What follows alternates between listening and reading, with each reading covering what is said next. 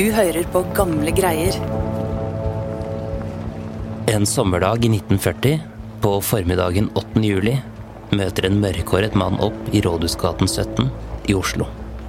Mannen heter Odd Nansen og er sønn av den berømte norske polfareren Fridtjof Nansen. Han blir vist til et kontor. Døren går opp, og ved et skrivebord sitter Vidkun Quisling. Nansen kaster ikke bort tiden og ber den norske stornazisten og leder for Nasjonal Samling om å slutte å bruke Nansen-navnet i sin jødefiendtlige propaganda. Quisling slår straks tilbake med beskyldninger. Kranglingen varer bortimot en time, og frontene er steile. Quisling mener det er polfarerens sønn selv som misbruker Nansen-navnet ved å hente inn jøder til riket gjennom organisasjonen Nansenhjelpen. Odd Nansen vokste opp som kjendissønn, der farens fjes prydet både frimerker og penger. Kjendisstatusen ga ham privilegier og tilgang til innflytelsesrike folk. Men å legge seg ut med nazister skulle få forferdelige konsekvenser.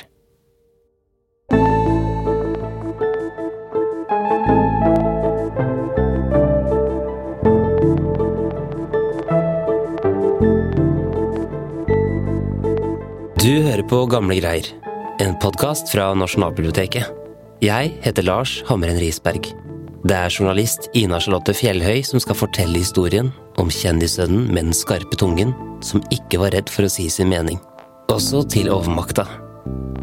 Sitater fra Odd Nansens dagbøker og brev er lest inn av Egil Johannessen, og i noen tilfeller forkortet.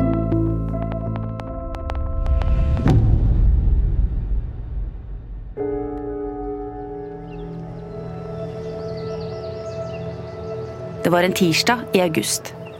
I en staselig murvilla i Bærum satt en mørkhåret mann og skrev brev. Øverst på brevpapiret sto det arkitekt Odd Nansen. Brevet Odd Nansen satt og skrev, var til kona Kari, som var på fjelltur. Å skrive ryddet i tankene, syntes Odd, enten det var brev eller dagbok.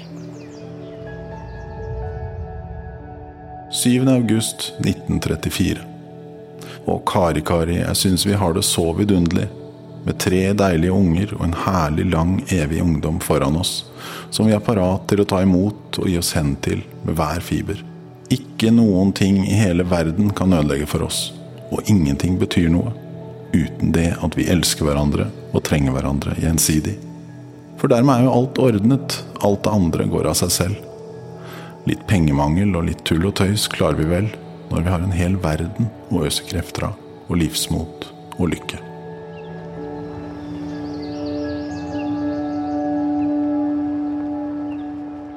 Det trygge livet i Bærum sto i stor kontrast til den politiske situasjonen i Europa. Deutschland, sieg heil! Heil! Hitler hadde kommet til makten i Tyskland. Nazistene erobret stadig nye landområder, og det groteske menneskesynet drev flere og flere mennesker på flukt.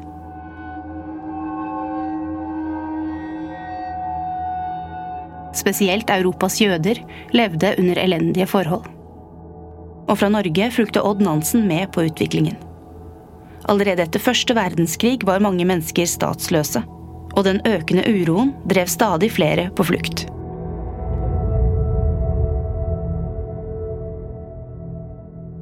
Odd Nansen hadde nylig flyttet tilbake til Norge etter flere år i Amerika.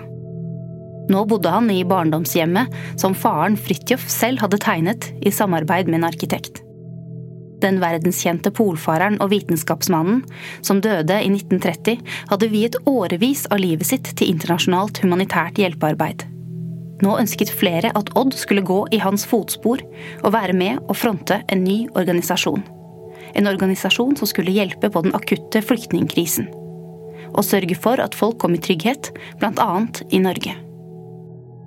Men Odd Nansen jobbet allerede fulltid som arkitekt, hadde eget kontor og mange oppdrag. Odd hadde hele livet hatt adgang til prominente folk. Allerede som liten gutt var han omgangsvenn med lille kronprins Olav. Nå hadde han en mulighet til å bruke sin innflytelse til gode for mennesker i nød. Så Odd Nansen takket ja til forslaget. Og i 1937 ble Nansen-hjelpen offisielt stiftet.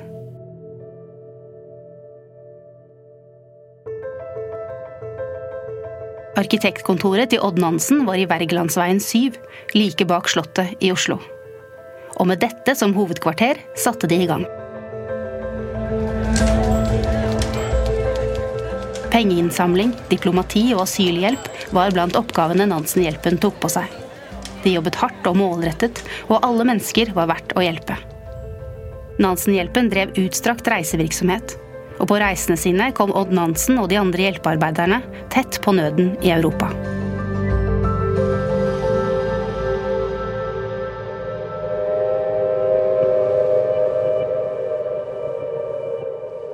I februar 1939 ankom Odd Nansen Praha i Tsjekkoslovakia. Her ble han vitne til en helt uholdbar situasjon. Sammen med kona Kari og gjengen som jobbet med Nansen-hjelpen, forsøkte de å hjelpe flyktninger med visa og pass, bl.a. til Norge. Lange køer av fortvilte mennesker kom og ba om hjelp. Flere hadde reist langt, var sultne og forkomne, var syke og dårlig kledt i det kalde været. Hele tiden ble hjelpearbeiderne konfrontert med det faktum at de ikke kunne hjelpe alle. Odd og de andre for rundt i ambassader, skrev til regjeringer og jobbet intenst for å få folk i sikkerhet. I et telegram hjem til Oslo skrev Odd. Praha 15. mars 1936. 5000 flyktninger i overhengende fare må øyeblikkelig forlate landet. Vår regjering il telegrafisk anmodet om 500 visa-B, liste inklusiv. Lignende anmodninger sendt til Sverige og Danmark, Finland, Belgien. Vi må ikke vente på Norges svar, det kan gjøre utslaget. Stopp. Jeg blir her avventende svar samtlige nordiske regjeringer. Nansen.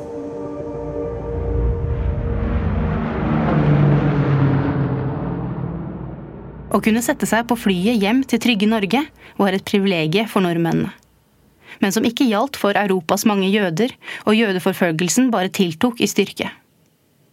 Nansen brukte mye av tiden til å appellere til internasjonalt diplomati for å stoppe flyktningkrisen. Og i Tsjekkoslovakia sørget de for at over 60 barn og 200 voksne flyktninger kunne komme seg i sikkerhet i Norge. Men så skjedde det som skulle gjøre arbeidet til Nansen-hjelpen enda vanskeligere.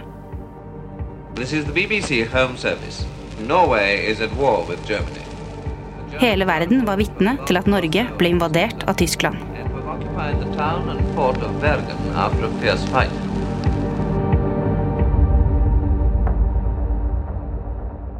Da nazistene marsjerte inn i Norge og overtok landet, visste hjelpearbeiderne i Nansen-hjelpen at de måtte være forsiktige. De innførte flere sikkerhetstiltak og brant gjerne brev og oppbevarte sjelden papirer i tilfelle nazistene skulle ransake kontorene deres. Odd Nansen satte menneskeverdet høyt, slik hans avdøde far Fridtjof hadde gjort.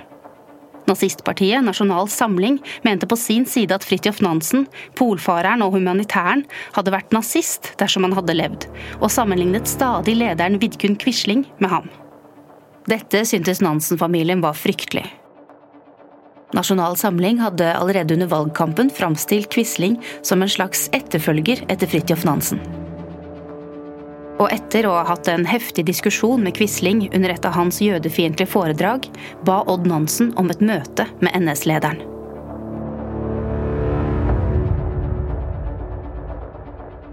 En sommerformiddag i juli 1940 møtte Odd Nansen opp på Quislings kontor i Rådhusgaten i Oslo.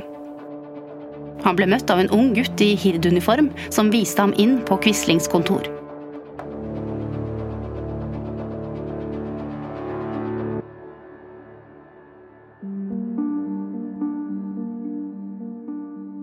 Odd Nansen la merke til at Quisling så sliten ut, men han mente det var viktig å sette NS-lederen på plass og si ordentlig fra om at han skulle sette et skille mellom Fridtjof Nansen og Quisling. De to hadde riktignok jobbet sammen med hjelpearbeid i Ukraina i 1921, men Odd mente Quislings menneskesyn hadde endret seg radikalt, og sto så langt fra hans far som det var mulig å komme. Jeg ber dem først og fremst om å la min fars navn være i fred. De vet sikkert med dem selv, Quisling, at de fusker når de tar Fridtjof Nansens navn til inntekt for deres politikk. Da skal Quisling ha tent på alle plugger, og svart at det jammen ikke var ham som tok feil, men Odd Nansen selv. Samtalen gikk frem og tilbake, og Quisling holdt på sitt. Men Odd Nansen ga seg heller ikke. Alt deres arbeid i humanitetens og nestekjærlighetens tjeneste, som de har fått påskjønnelse for, også fra min far, kan ikke rettferdiggjøre det de nå er i ferd med. Da Nansen forlot Quislings kontor, hadde de ikke blitt enige om noe som helst. Men Odd Nansen hadde fått sagt NS-lederen sin hjertens mening. Quisling var kanskje avsatt som ministerpresident, men han var fortsatt leder i NS og hadde kontakt med folk i mektige posisjoner. Og kanskje hadde nazistene nå fått nok av den munnrappe arkitekten. For snart skulle det skje noe som satte en stopper for Nansens arbeid.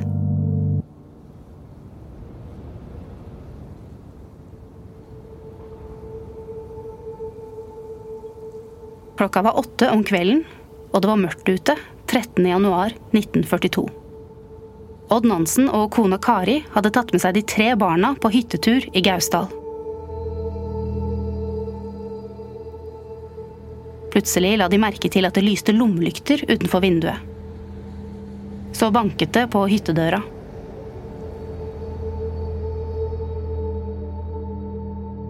Da de åpnet, sto lensmannen og to tyskere utenfor. Odd trodde først at politiet var på jakt etter illegale radioer og skulle raide nå midt i det som pleide å være tidspunktet for de norske sendingene fra London. Men det viste seg at det ikke var illegal radiolytting som var politiets ærend. Det var Odd selv de ville ha tak i. Odd Nansen skulle bli med dem, sa de. Men noe mer om hvorfor fikk han ikke vite. Kona Kari beholdt roen, men de tre barna begynte å gråte da de skjønte at faren skulle reise. Og Odd kunne ikke annet enn å pakke sekken. Så satte han seg inn i bilen sammen med politiet, og så svingte de ut på vinterføre.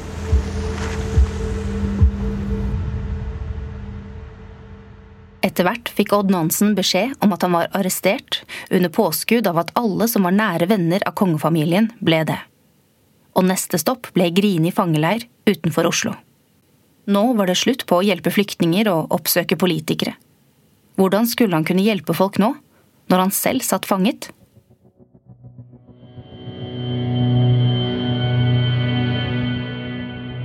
Livet på Grini var hardt. Fangene måtte arbeide, og tyskerne styrte leiren med hard hånd. Stadig ble folk straffet og drept. Om kveldene satt Odd i skjul i brakka og noterte ned alt som skjedde. Han skrev på det tynneste papir, og gjennom kona Kari fikk han fatt i HB-blyanter som han spisset helt tynt, og skrev side opp og side ned i det dunkle lyset om kveldene. Tirsdag er det tre uker siden jeg ble arrestert. Jeg syns det er en evighet siden. Det foregikk liksom i en helt annen verden. Dette fengselslivet er så forskjellig fra det en er vant til. Før, mellom og etter arbeidsøktene stiller folk de samme spørsmålene. Hvor lenge vil dette vare? Når må Tyskland gi seg? Når slipper jeg ut? Nød og sult hørte med til hverdagen. Og for Odd ble det viktig å dokumentere og skrive ned hva som skjedde. Slik at de hjemme og utenfor leiren fikk vite om det. Arkitekten var dessuten en dyktig tegner og skisset mange scener og hendelser fra Grini. Dagboksidene fikk han smuglet ut gjennom et finurlig postsystem som gikk utenom tyskernes strenge kontroll og brevsensur. Det nøye opptegnede kartet og de alternative postrutene var Odd Nansen en av arkitektene bak. Her fikk de loset ut både private meldinger, men også nyheter om krigen som de snappet opp i leiren. Odd Nansen var ikke fremmed for en spøk, og på Grini skulle sansen for humor komme godt med. Han ble en av initiativtakerne til å lage revy på søndagene. Her harselerte de med det harde livet i leiren. For å holde humøret oppe fant Odd og medfangene på opprørske sanger som de etter hvert kunne så godt at de gikk rundt og trallet på dem. Det er vi, det er vi, det har vi være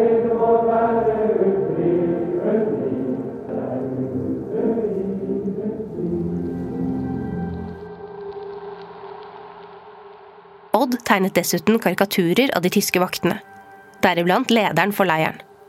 Dette var risikofylt, men de gjemte dem godt, og noe måtte de gjøre for å kunne le litt. Odd Nansen var en tydelig skikkelse i leiren, og var vant til å ta ledelsen, så han var en de andre fangene naturlig samlet seg rundt. Til tross for at alle fangene, også Odd, fikk røff behandling, likte lederen for leiren å fortelle at han hadde sønnen til selveste Fridtjof Nansen i fangenskap. Da Odd hadde sittet på Grini i over et år, skjedde det noe som skulle endre hans skjebne nok en gang.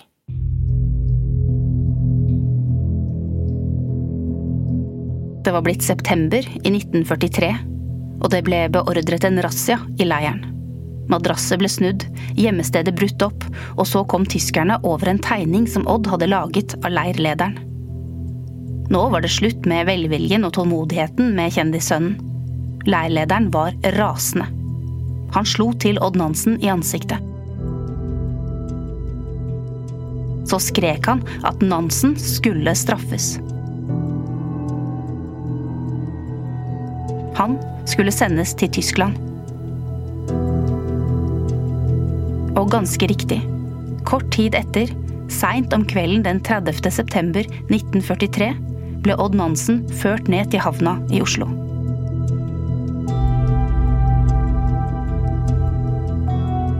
Der gikk han og 292 andre fanger opp Trelandgangen og om bord i det store skipet Isar. Fangene visste ikke nøyaktig hvor de skulle, men skipet kastet loss og satte kursen utover den mørke Oslofjorden i retning Tyskland.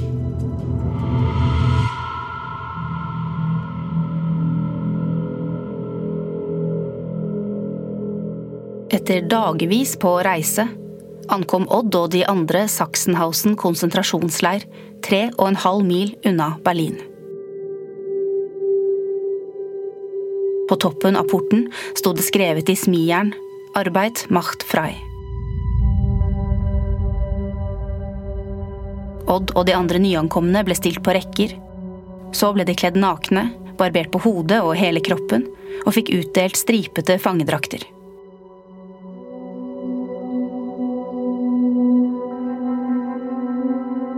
Om forholdene på Grini hadde vært dårlige, så var dette mye verre.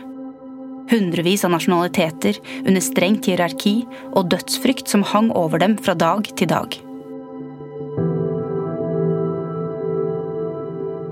Nå satt altså Odd Nansen fanget i en konsentrasjonsleir i Tyskland, og ingen visste når og om de skulle se sine kjære igjen. Rundt seg så han fanger miste motet under de grusomme forholdene men Odd passet på å skrive om livet i Sachsenhausen i dagboka. Det ryddet i tankene, men det var også viktig å få dokumentert det som skjedde. Her skrev han det han ikke kunne skrive om i brevene til Kari i Norge, for de ble lest av tyskerne. Han måtte gjemme dagboken godt, for dersom de ble oppdaget, ville det vanke både straff og den viktige dokumentasjonen ville bli ødelagt. Fra en medfange fikk Odd høre at det var mange som hadde dødd året før. Av sult. Eller de gikk i pipa, som medfangen sa, og nikket mot krematoriet. Også i Sachsenhausen fortsatte Odd å skrive ned det som hendte. Han mente det var svært viktig å få dokumentert. Det som foregikk rundt ham, var så langt fra det humanistiske som han kunne komme. Og han måtte jobbe for å beholde sin menneskelighet og ikke bli likegyldig. Det var et hierarki blant fangene i leiren, og Odd Nansen og de andre nordmennene ble behandlet bedre enn f.eks. jødene. De fikk motta Røde Kors-pakker, noe som var et stort privilegium. Nøden var stor, og pakkene fra Røde Kors inneholdt mat og nødvendige helseartikler. Gull, diamanter, penger, det var det nok av i leiren, Men det som virkelig var verdt noe, var en skive brød, eller kanskje litt tobakk. Denne rikdommen skaffet Odd Nansen muligheten til å påvirke også her. Slik kunne han bevege seg friere og dokumentere i dagboka. Dag ut og dag inn. De tynne, tynne sidene ble gjemt på de mest finurlige steder. Under madrasser og inni sprekker.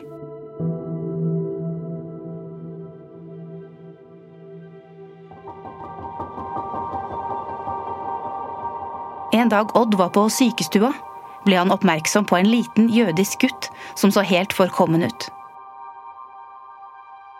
Odd stoppet ved senga hans og spurte hva han het og hvor han kom fra. Gutten het Tommy og var nylig ankommet fra Auschwitz og hadde koldbrann i tærne og var i elendig forfatning. Det var ikke sikkert at han kom til å overleve. Etter dette stakk Odd stadig innom sykestua for å høre hvordan det gikk med gutten. Han tok med seg kjeks og tegnesaker, som gutten ble glad for å få.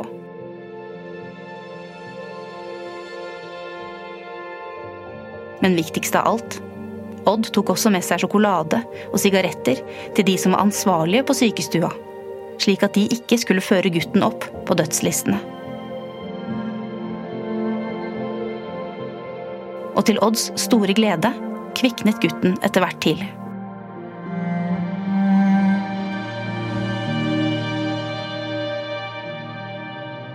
Også i Sachsenhausen hadde Nansen-navnet en viss innflytelse. Og vaktene kunne skryte av at de kjente polfareren og vitenskapsmannens sønn. Der Kleine Nansen, som de sa. Den lille Nansen.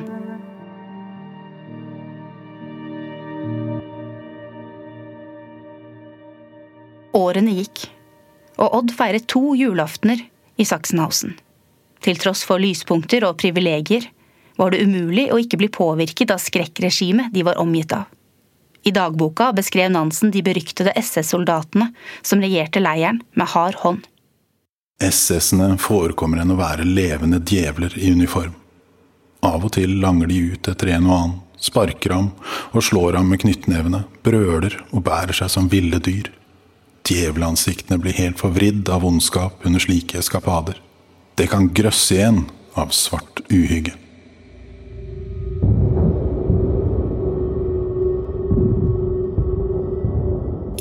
1945 begynte ryktene om at de allierte nærmet seg, å gå. I Berlin falt det bomber hver dag, og fra leiren kunne Odd og de andre fangene se nattehimmelen bli opplyst av de mange brannene tre mil unna. I leiren var det som om tyskerne strammet grepet i en siste desperasjon med stadige avstraffelser og henrettelser.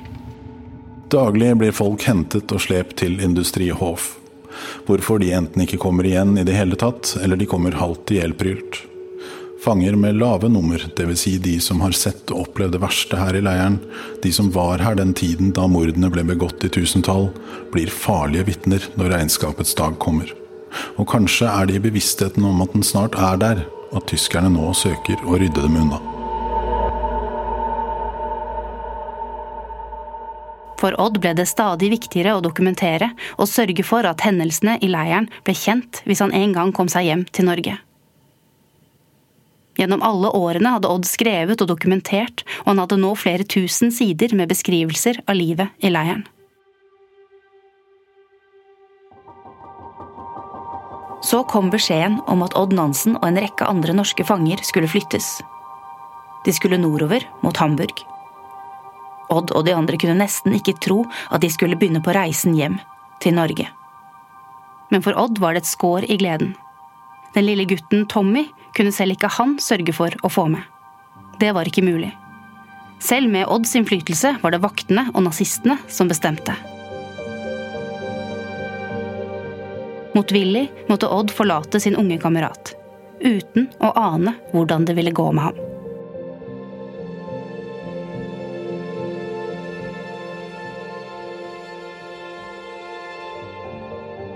Men han kunne i det minste få med seg dagboksnotatene og fortelle verden om hva som hadde skjedd. For å få med seg alle dagboksidene fant Odd på noe lurt. Fangene hadde brødfjøler som de spiste på.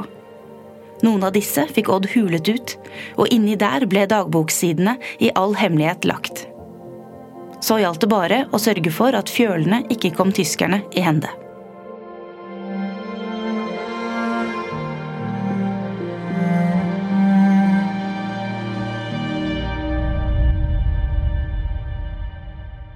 Natten til 20. april 1945 var det en veldig larm i leiren. Skrik fra fanger som ble straffet, blandet seg med flyalarm og lyden av bomber. Odd og de andre fikk nesten ikke sovet den natten. Da de våknet neste morgen, var det helt kaotisk utenfor brakkene. Madrasser var blitt båret ut og satt fyr på, og tyske soldater kommanderte og ropte. Men endelig kom de. De hvite bussene kjørte inn på plassen. Odd og de andre kunne nesten ikke tro det som skjedde. Odd Nansen gikk om bord og satte seg i setet. Motoren startet, og så svingte bussen ut på veien. 20. april 1945. Jeg sitter i bussen og skriver 'Bussen til friheten'. Det bærer nordover gjennom Tyskland, over den nordtyske slette. Vi er ikke langt fra Lybekk, men ferdens mål er lenger nord. Vi håper i Sverige.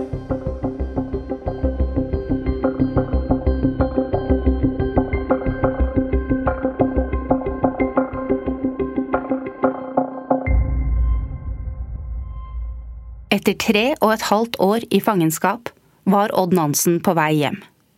Han kunne nesten ikke vente. Etter den lange adskillelsen skulle han endelig møte sin kjæreste Kari og barna deres igjen. Men han visste at det var mange som ikke var like heldige som ham.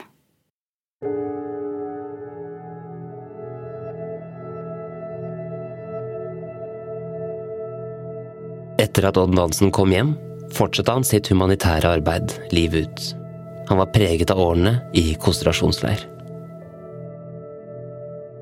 Stadig kom det medfanger på besøk hjem til familien, og de bearbeidet traumene sammen gjennom en helt spesiell form for mørk humor.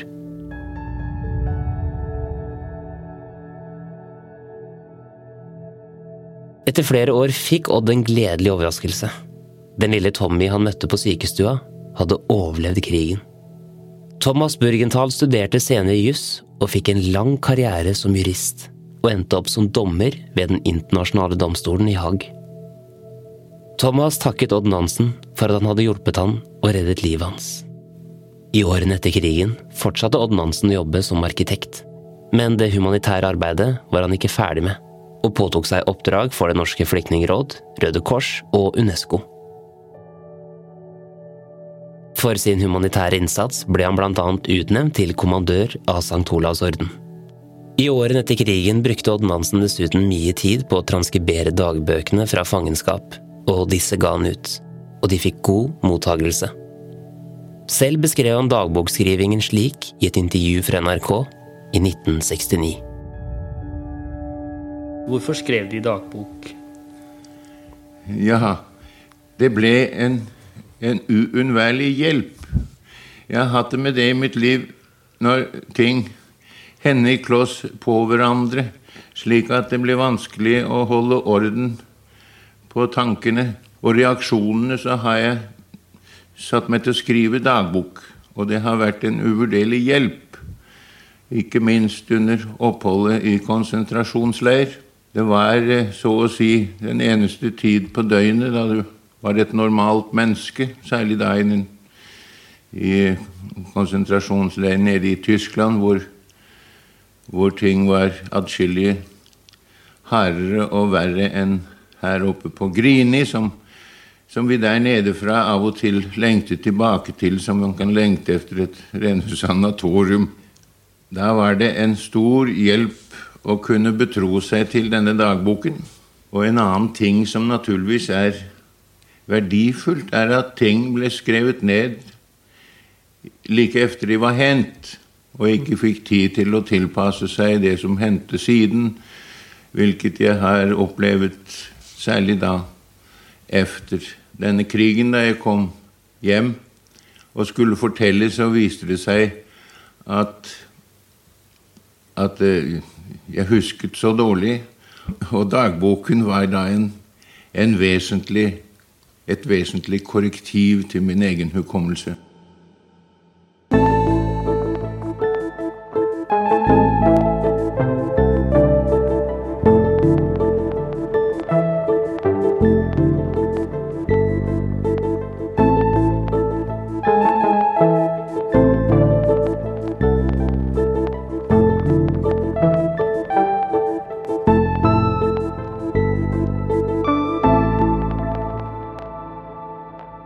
Episode av Gamle greier.